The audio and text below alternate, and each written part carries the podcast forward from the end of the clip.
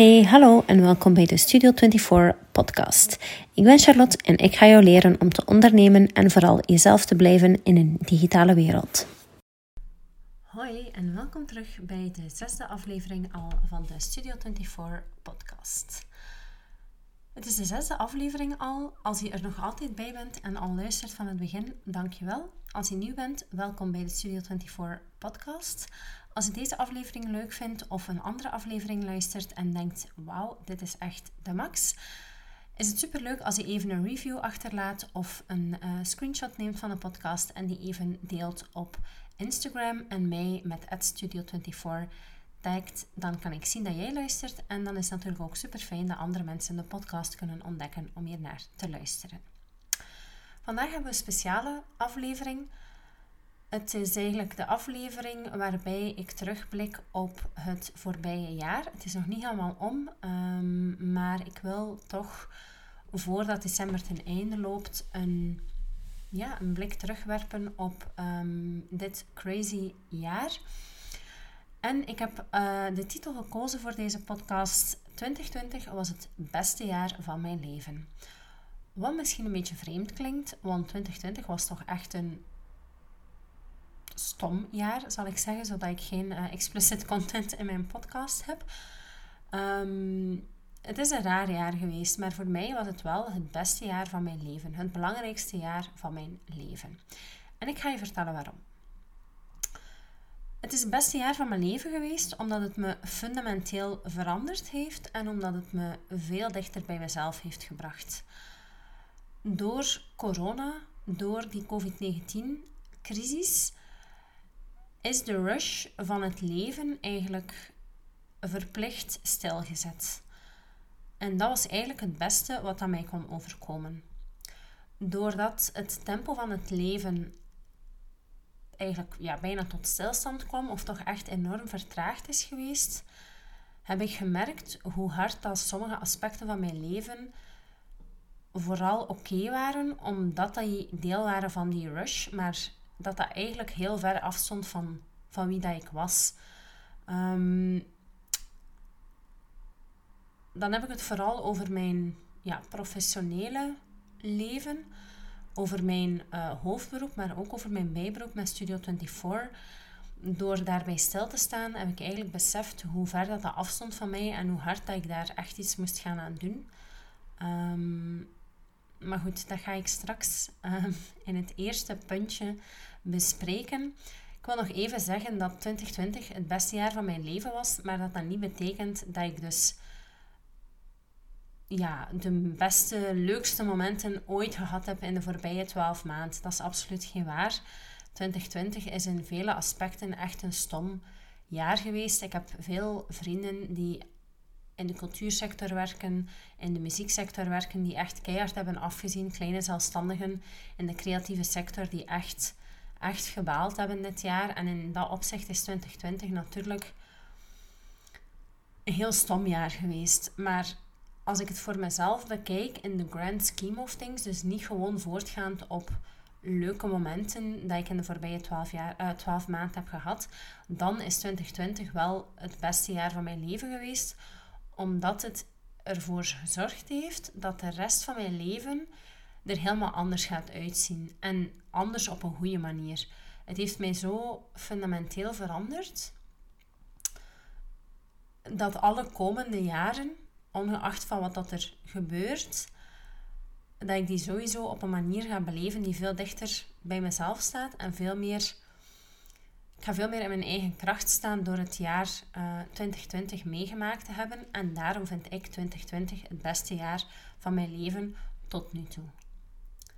Nu, ik wil dat in een paar puntjes opdelen, want anders ga ik hier beginnen um, ranten en ga ik echt een emotionele rollercoaster gaan, denk ik. En uh, van de hak op de tak uh, springen. Ik ben daar eigenlijk wel goed in. Dus ik probeer toch altijd even op een rij te zetten wat ik wil vertellen. En zeker bij afleveringen zoals deze is dat wel nodig, um, want anders uh, ja, ben ik een uur aan het babbelen en gaat het eigenlijk helemaal nergens heen. Nu. Ik heb um, uiteindelijk vijf belangrijke lessen, zal ik het noemen, die ik dit jaar geleerd heb. En die ik ook wil meegeven, omdat ik denk dat jullie, ehm, dat jij daar ook iets kan uitleren. Of dat jij misschien ook door dat te horen wel die vaststelling kan doen um, dat dat voor jou misschien ook wel van toepassing is. En dat je zo misschien met een andere blik terugkijkt op 2020. En ik hoop dat echt. Ik hoop echt dat niet alle herinneringen aan dit jaar negatief moeten zijn. Um, omdat dat enerzijds jammer is als je alles ja, met wrok terug bekijkt. Ik zie liever ja, het positieve in dingen, het mooie in dingen, wat ik kan leren van dingen. En anderzijds denk ik dat dat ook door wel het positieve van 2020 te zien, dat je ook met een realistischere blik in 2021 kan. Want ik denk als je 2020 als de boeman afschildert en 2021 moet alles goed maken, dan creëer je enorm veel verwachtingen die misschien ook niet gaan kunnen ingelost worden. Dus ik hou er wel van om in alles het goede te zien, zodat niet al mijn hoop in één mandje of in één jaar dan komt te liggen, want dat loopt meestal ehm, niet zo goed af. Nu, ik ben weer al aan het afwijken. Terug naar mijn vijf uh, punten of mijn vijf lessen van het voorbije jaar. Mijn eerste les is dat je echt keihard kan crashen en toch terug kan rechtstaan. Ik heb zelf dit jaar, vooral in de zomerperiode, echt wel uh, mentaal allee, in een put gezeten, echt wel diep gezeten.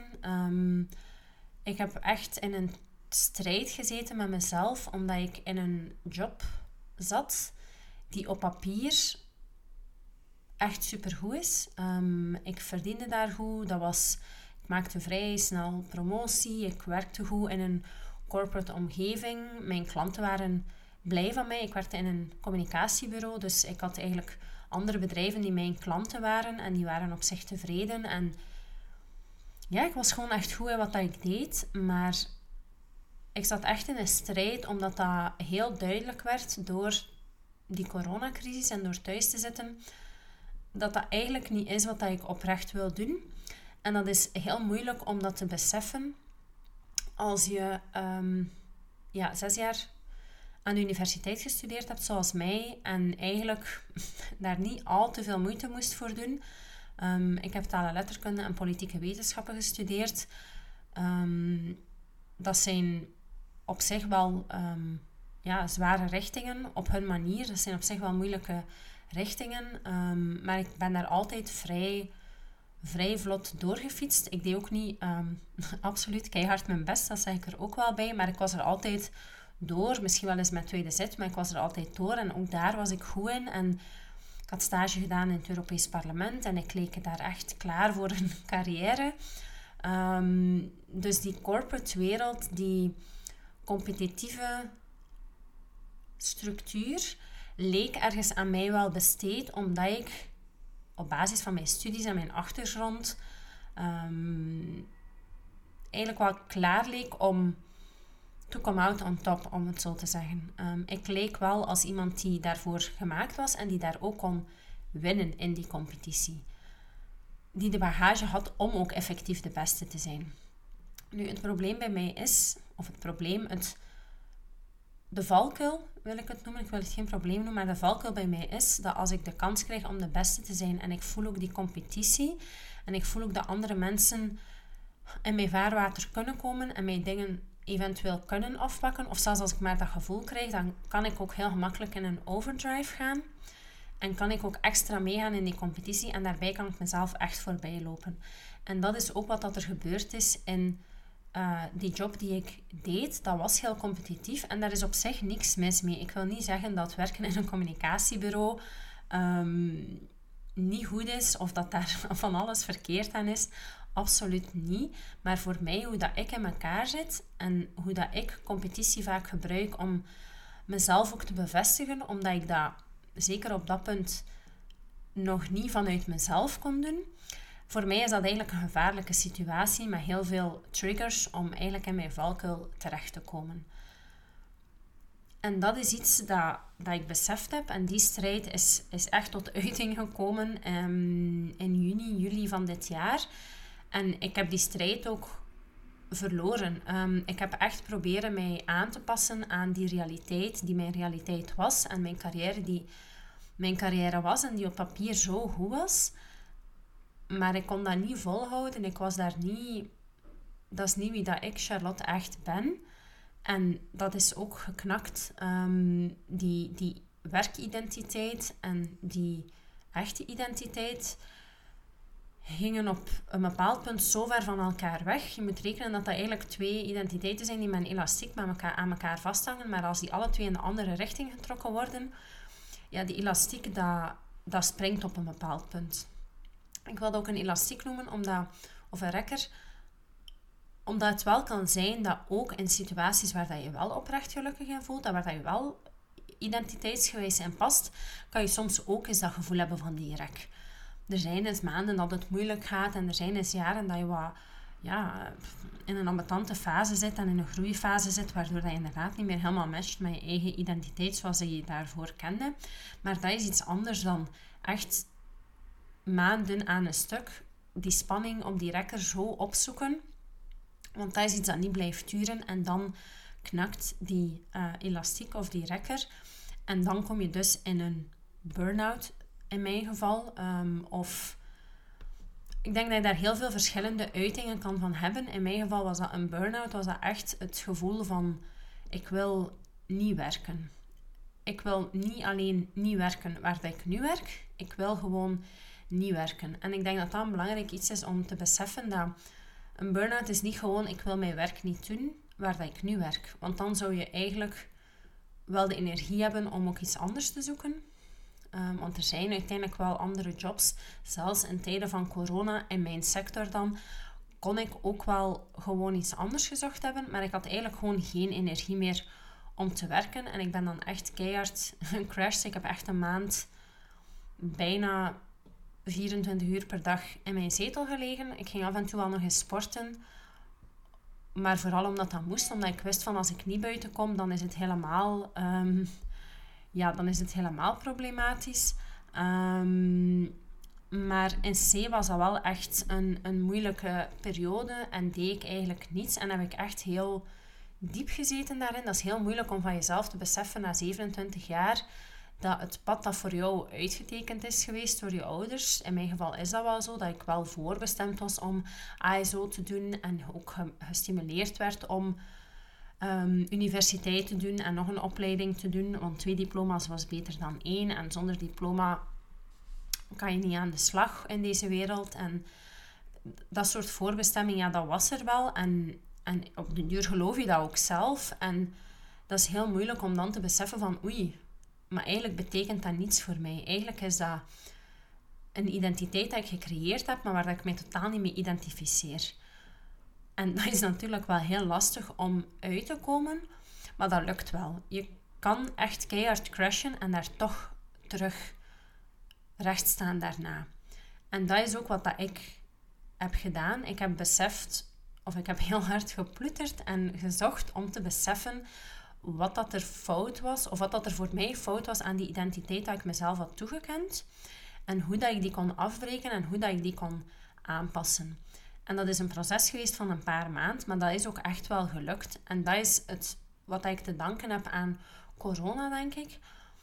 Of aan het jaar 2020, dat ondertussen vereenzelvigd is met corona. Dat, doordat er heel weinig kon, moest er ook een heel stuk minder, waardoor dat ik echt wel die tijd genomen heb om ook die identiteit te zoeken. Ik denk in een andere situatie dat ik veel meer zou opgejaagd zijn om het te fixen, om het probleem op te lossen. En dat ik dan heel snel misschien uh, ja, dat ziekteverlof misschien toch ging stopgezet hebben en terug in die job ging geraakt zijn. Of wel een andere job ging gezocht hebben die eigenlijk heel hard in lijn lag met mijn vorige job. Omdat dat net die identiteit is dat ik het beste kende. Wat dat eigenlijk ook wel je comfortzone is. En dan is het heel moeilijk om die identiteit af te breken als je eigenlijk in een rush zit. Maar doordat er eigenlijk niets moest en dat er eigenlijk weinig druk was, heeft mij dat toegelaten om die identiteit ook echt af te breken en, opnieuw samen te stellen. En om dat te doen heb je gewoon tijd nodig om te groeien en om jezelf heruit te vinden en om die transformatie door te gaan, moet je gewoon tijd hebben. En daarom ja, dat heb ik te, denken aan, te danken aan 2020. Nu, een andere ehm, les van 2020 die ik getrokken heb, ehm, die niet per se. Ik denk dat ik die les op een ander moment ook wel had kunnen trekken. Um, maar ik denk doordat ik meer tijd had dit jaar en ook echt meer met zelfreflectie al bezig was, vooral in, in het kader van die werkidentiteit dan, dat ik ook een andere heel belangrijke realisatie heb gemaakt, die breder gaat dan mijn werkidentiteit alleen, maar die mij wel echt heel veel inzichten opgeleverd heeft. En dat is dat projectie de boosdoener is.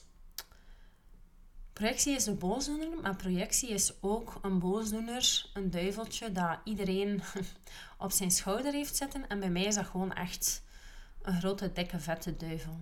Um,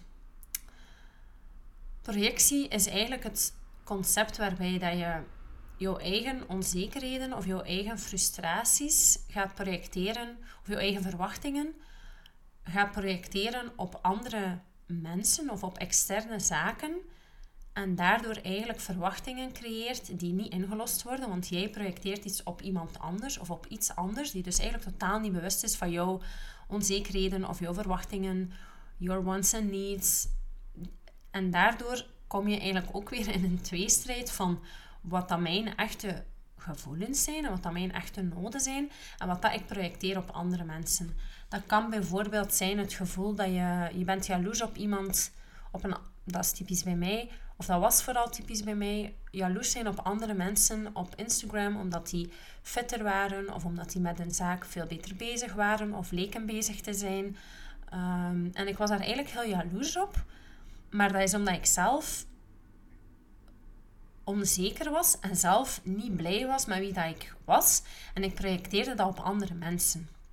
Het is veel gemakkelijker om kwaad te zijn op iemand anders omdat hij meer heeft, dan om te beseffen van jezelf dat als hij meer wilt, dat jij het wel gaat moeten doen en dat jij alleen het verschil kan maken. En dat is dat concept van projectie en dat gaat op heel veel vlakken. Dat gaat ook op vlak van relaties bijvoorbeeld. Ehm, niet communiceren over je gevoelens, maar die wel eigenlijk keihard hebben en dan kwaad worden op de andere persoon omdat die zich niet gedraagt volgens jouw gevoelens en daar niet, niet mee kan omgaan. Maar ja, wij zijn geen mindreaders. Um, ik kan dat ook niet bij andere mensen, maar ik verwachtte dat soms wel dat andere mensen dat voor mij konden.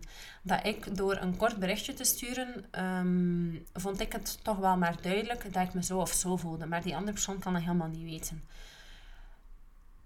Dat was eigenlijk al een beter, maar ik weet dat als ik zo net verder studeerde, als ik al 18, 19 jaar was, dat ik echt kon eigenlijk niet kon communiceren en dan ook echt heel defensief en heel kwaad worden als mensen niet reageerden zoals dat ik dat exact wou.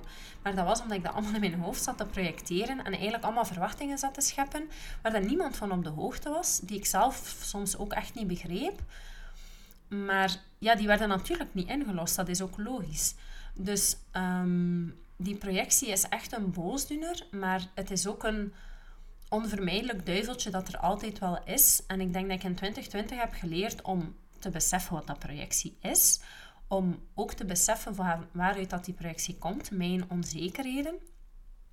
En om die onzekerheden ook te aanvaarden en die ook mezelf te vergeven. Dat is eigenlijk mijn derde punt. Dan kom ik bij mijn derde punt.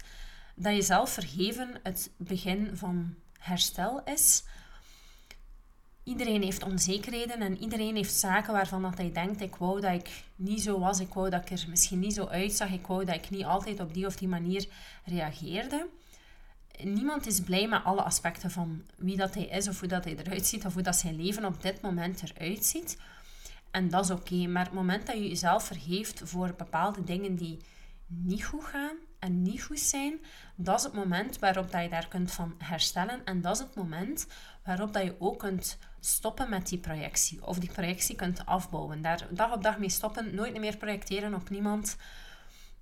Ik denk dat dat niet kan. Ehm, maar door jezelf te vergeven voor bepaalde zaken, kun je daar wel heel bewust van worden. En kun je daar ook actief dat uitrationaliseren. En dat eigenlijk gewoon stopzetten of laten passeren, dat mechanisme. Je kunt herkennen van oké, ik ben hier aan het projecteren en ik weet rationeel gezien door de hele zelfreflectie dat ik in voorbije jaar 2020 heb gedaan, dat dat mij niet zal opleveren en dat dat dus een verspilling van energie is. En ik ga dat nu erkennen dat dat er is. Ik vergeef mezelf voor het feit dat ik aan die projectie doe, dat ik die onzekerheden heb. En ik laat dat gewoon, ik laat dat passeren. En ik ga verder op een constructieve manier. En dat is het, het ding van jezelf te kunnen vergeven. Dat is bijvoorbeeld, ik ben ook echt een emo eter. Um, alles wat misgaat is goed voor mij om een zak chips of een zak um, snoep te nemen. Ik spreek eigenlijk in de huidige tijd. Ik moet zeggen dat ik daar in ook in 2020 wel eh, voor een groot stuk komaf heb mee kunnen maken. En dat is ook door mezelf te gaan vergeven. Dat is ook onder begeleiding van een sportdiëtist je doet dat niet altijd alleen. Dat is het ding met reflectie, dat je ook leert herkennen wanneer dat je andere mensen nodig hebt, omdat je zelf bepaalde tekortkomingen hebt of bepaalde beperkingen. Dat bedoel ik niet negatief, maar sommige dingen kan je gewoon niet alleen en daarvoor heb je hulp nodig. Zo heb ik ook enkel die burn-out tot iets goed kunnen omdraaien door met een psycholoog vaak samen te zitten. Zo heb ik ook enkel emo-eten kunnen loslaten door met een sportdiëtist samen te zitten. En door jezelf te vergeven, ga je eigenlijk ook dat emo-eten kunnen stopzetten. Dat is, oké, je eet s'avonds een zak chips omdat je toch in dat emo-eten komt. En de dag erna, dan wordt dan gezegd, ja, doe gewoon voort dat je bezig werd. Maar dat schuldgevoel van dat overeten en van dat emo-eten is, verdwijnt niet zomaar door voor te doen hoe dat het moet, tussen aanhalingstekens. Een belangrijke stap daartussen is dat je jezelf al eerst vergeeft en dan kun je voortgaan zodat je, zoals dat je bezig was, omdat je weet dat dat echt oprecht oké is. En dat jezelf vergeven, dat is ook met andere dingen. Zoals ik overreageer op een bepaalde conversatie. Vroeger ging ik daar gewoon over gezwegen hebben en ging ik dan krampachtig proberen de situatie terug te, te forceren naar hoe dat ze daarvoor was. Terwijl dat ik nu mezelf ga vergeven voor het feit dat ik overreageer, dat ik erken van waaruit dat, dat komt. Dat is heel vaak projectie. Ehm, en ik herken dat en ik geef dat dan ook toe aan die andere personen. Waarom dat ik overreageer. Ik spreek dat uit, ik benoem dat en daarmee is het dan ook echt, echt klaar. En kan je dan die relatie ook herstellen op een manier die, die constructief is en die ook lange termijn is. Door op lange termijn te denken, lijken zo kleine uitbarstingen of kleine fouten, zeg maar, eigenlijk veel minder erg. En kan je jezelf ook wel steeds gemakkelijker vergeven. Ehm, en dat is ook echt iets dat ik in 2020 geleerd heb. Ik denk dat dat opnieuw iets is dat niet per se gelinkt is aan dit jaar, maar door die burn-out en door echt ja, aan te voelen dat er veel dingen verkeerd zitten en veel aan reflectie te moeten doen, heb ik mezelf, ben ik eigenlijk verplicht geworden van mezelf heel veel dingen te vergeven, omdat dat de enige manier was om verder te kunnen. En daar heb ik wel echt super, super veel van geleerd. En dat gaat ook de rest van mijn leven gemakkelijker maken, omdat ik me heel bewust ben van bepaalde mechanismen nu, waar ik me vroeger niet van bewust was. Waardoor ik heel veel situaties ga kunnen deescaleren, nog voordat ze eigenlijk gebeuren. En dat is het mooie aan 2020 geweest. Een andere les van 2020 is dat ik geleerd heb om grenzen te stellen omdat ik beseft heb dat grenzen stellen de enige manier is om echt te groeien en echt mezelf ruimte te geven om in mijn eigen kracht te komen staan, dan nog meer te doen ook in de toekomst. En, en die persoonlijke groei door te maken. Als ik altijd mijn leven laat leiden door andere mensen en altijd over mijn grenzen laat gaan en ja zeg omdat ik denk dat ik moet ja zeggen of omdat dat van mij verwacht wordt door een of ander maatschappelijk patroon of mijn ouders of mijn vrienden of whatever, dan wordt mijn persoonlijke groei iedere keer afgeremd. Al de energie die ik aan andere mensen geef, kan ik niet in mezelf steken. Dus door grenzen te stellen, reclaim ik eigenlijk, herneem ik eigenlijk energie je hebt maar zoveel energie op een dag. Je kan wel energie bijcreëren op bepaalde manieren, maar in C heb je een bepaald energiepoelen. Je emmertje is vol en je kan dat legen, legen, legen, totdat het leeg, leeg is en dan is er dus niets meer over. Dus als jouw emmer altijd al voor drie vierde geleegd wordt om andere glazen te vullen, van je collega's, van je familie, van je vrienden, van andere organisaties waarbij dat je actief bent en denkt dat je van alles moet voor doen, dan is er eigenlijk maar één vierde meer over in jouw eigen emmer en daar kan je gewoon niet zoveel mee. Je hebt, je hebt gewoon een, een, geen volle emmer, maar je hebt een, een, een emmer nodig die meer dan half vol is om ook persoonlijk te kunnen groeien en ook te kunnen investeren in jezelf. En daarvoor moet je gewoon je grenzen stellen. Daarvoor moet je zeggen, kijk, hier staat er een streepje in de emmer op drie vierde. Dus ik kan jou één vierde geven. En vandaag kan ik daar twee bekers mee vullen. En morgen misschien drie kleinere bekertjes. Maar niet allemaal tegelijk. Dat gaat niet. Want dat water die in die emmer zit, of die energie die in die emmer zit, die moet ik bewaren voor mezelf. En dat grenzen stellen, dat is wel echt nog een work in progress. Maar in de praktijk is dat nog een work in progress, maar het begrip van de essentie van grenzen stellen en van de noodzaak om dat te doen om ook echt te kunnen groeien, is er absoluut gekomen in 2020. Dat is ook door bijvoorbeeld in een burn-out thuis te zitten en echt te zeggen van ik heb daar echt geen energie voor nu. En je kan me echt niet bellen voor iets van het werk, want ik ben echt wel ziek. En als je een heel concreet voorbeeld. Als, jullie, als, ik, als ik ziek ben en ik ga wel nog met mijn vrienden ergens naartoe en, jullie, en, en mensen zien dat, ja, sociale media is open en iedereen kan dat zien. Het feit dat ik nog met vrienden op stap ga, dat is mijn zaak. En ik stel die grens dat iemand anders die werkt of die los van mijn werk staat, maar weet dat ik in een burn-out zit, die daar een bepaald idee over vormt.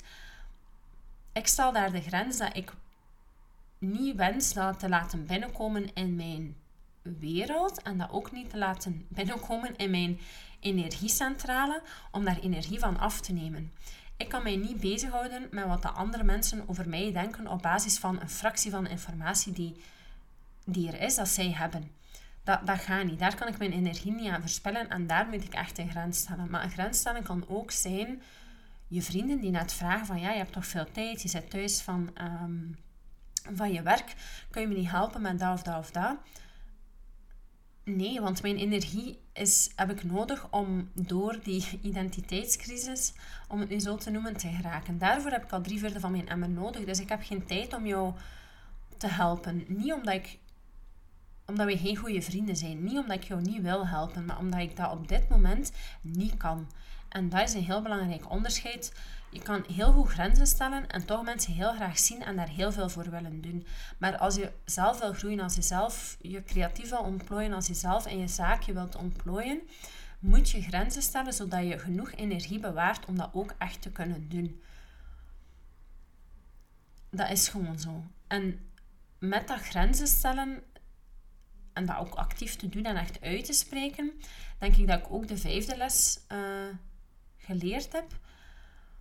En dat is dat niet iedereen je supporter kan zijn. Door grenzen te stellen gaan bepaalde mensen gaan dat niet fijn vinden. Um, en gaan het gevoel hebben van oei, zij duwt nu eigenlijk terug op iets dat ik anders altijd wel kon vragen en dat ik altijd wel energie van haar kon krijgen en nu doet ze dat plots niet meer.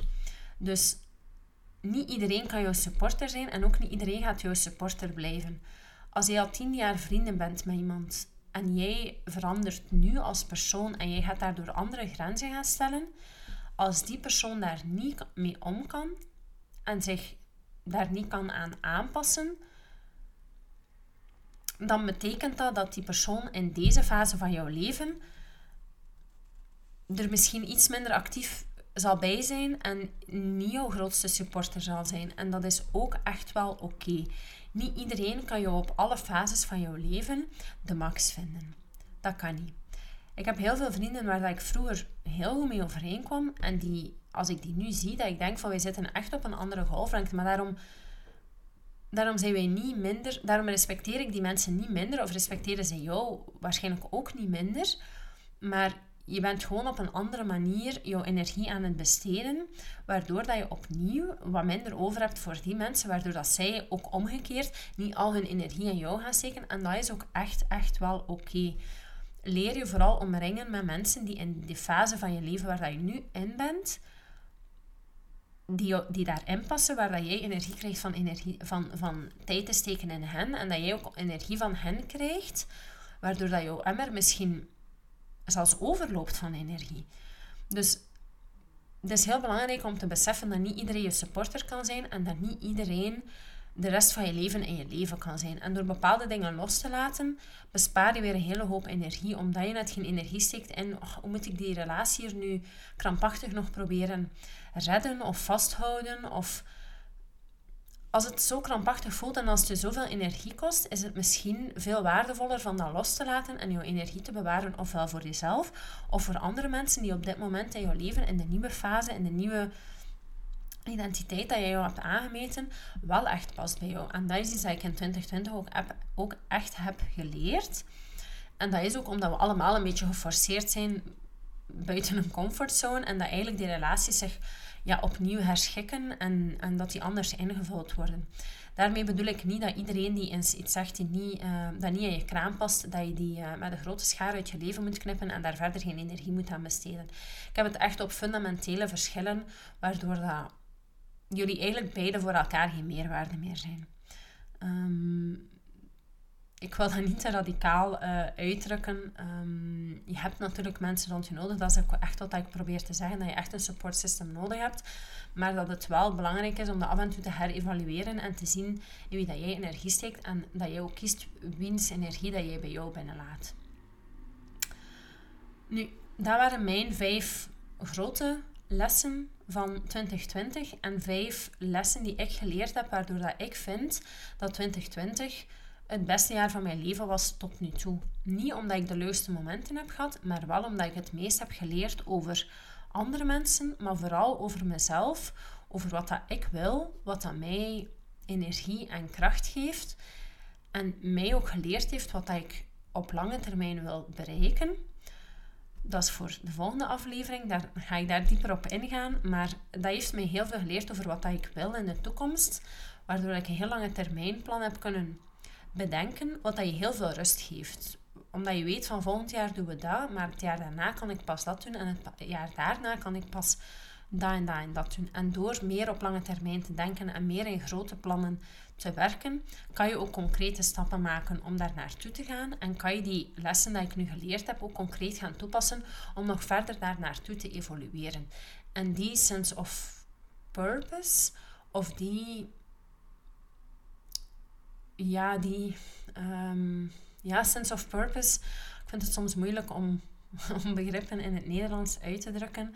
Um, ja, dat gevoel van voorbestemdheid of heel hard um, in touch zijn of in sync zijn met wat je echt, echt wilt, met jouw echte identiteit, dat zorgt voor eigenlijk een enorm gevoel van rust dat ik voor 2020 niet echt had. Ik werd altijd geleid door de rush van externe elementen. Mijn job, wat dan mensen van mij verwachten, wat dat maatschappij van mij verwachtte, hoe dat ik er moest uitzien, hoeveel, daar, hoeveel keer per week dat ik moest gaan sporten om toch maar mezelf sportief te mogen noemen. Dat soort zaken, wat dat eigenlijk allemaal absurd is, want dat zijn allemaal externe maatstaven waar dat ik mij aan spiegelde, omdat ik niet, niet in het reinen was met mijn eigen identiteit en mijn eigen prioriteiten. En dat is in 2020 gelukt, waardoor dat ik mij kan lostrekken van die externe maatstaven en die externe verwachtingen, waardoor dat ik natuurlijk op een veel rustigere manier verder kan met mijn leven.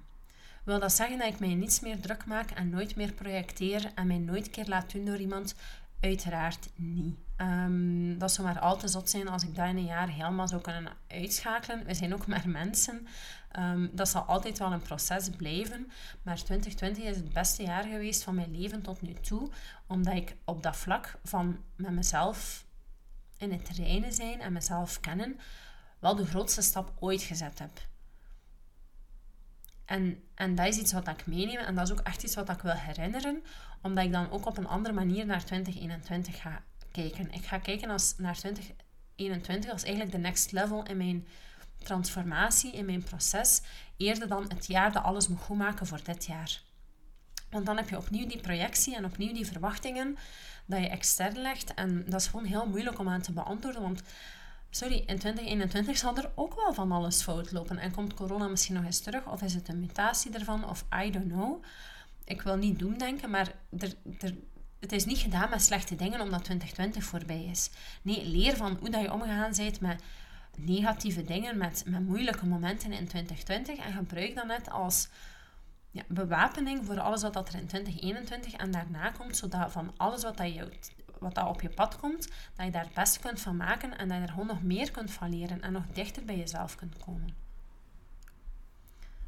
Goed, dat was mijn um, semi-emotionele rant van um, vandaag voor aflevering um, ehm, 6 van de podcast. Dankjewel om te luisteren. Ik hoop dat je er iets van geleerd hebt. Dat je misschien bepaalde lessen ook op jezelf niet lessen op jezelf kan toepassen, maar dat je misschien bepaalde lessen herkent of bepaalde ja, realisaties ook wel gehad hebt dit jaar, misschien onbewust. En doordat ik dat hier benoem in de podcast, dat je denkt van, ik heb daar ook echt wel stappen in gezet. En ik, ik hoop dat je dat kan erkennen en dat je dat ook kan vasthouden. Zodat je inderdaad kan terugkijken op 2020 als een jaar waarin dat wel heel veel goede dingen gebeurd zijn.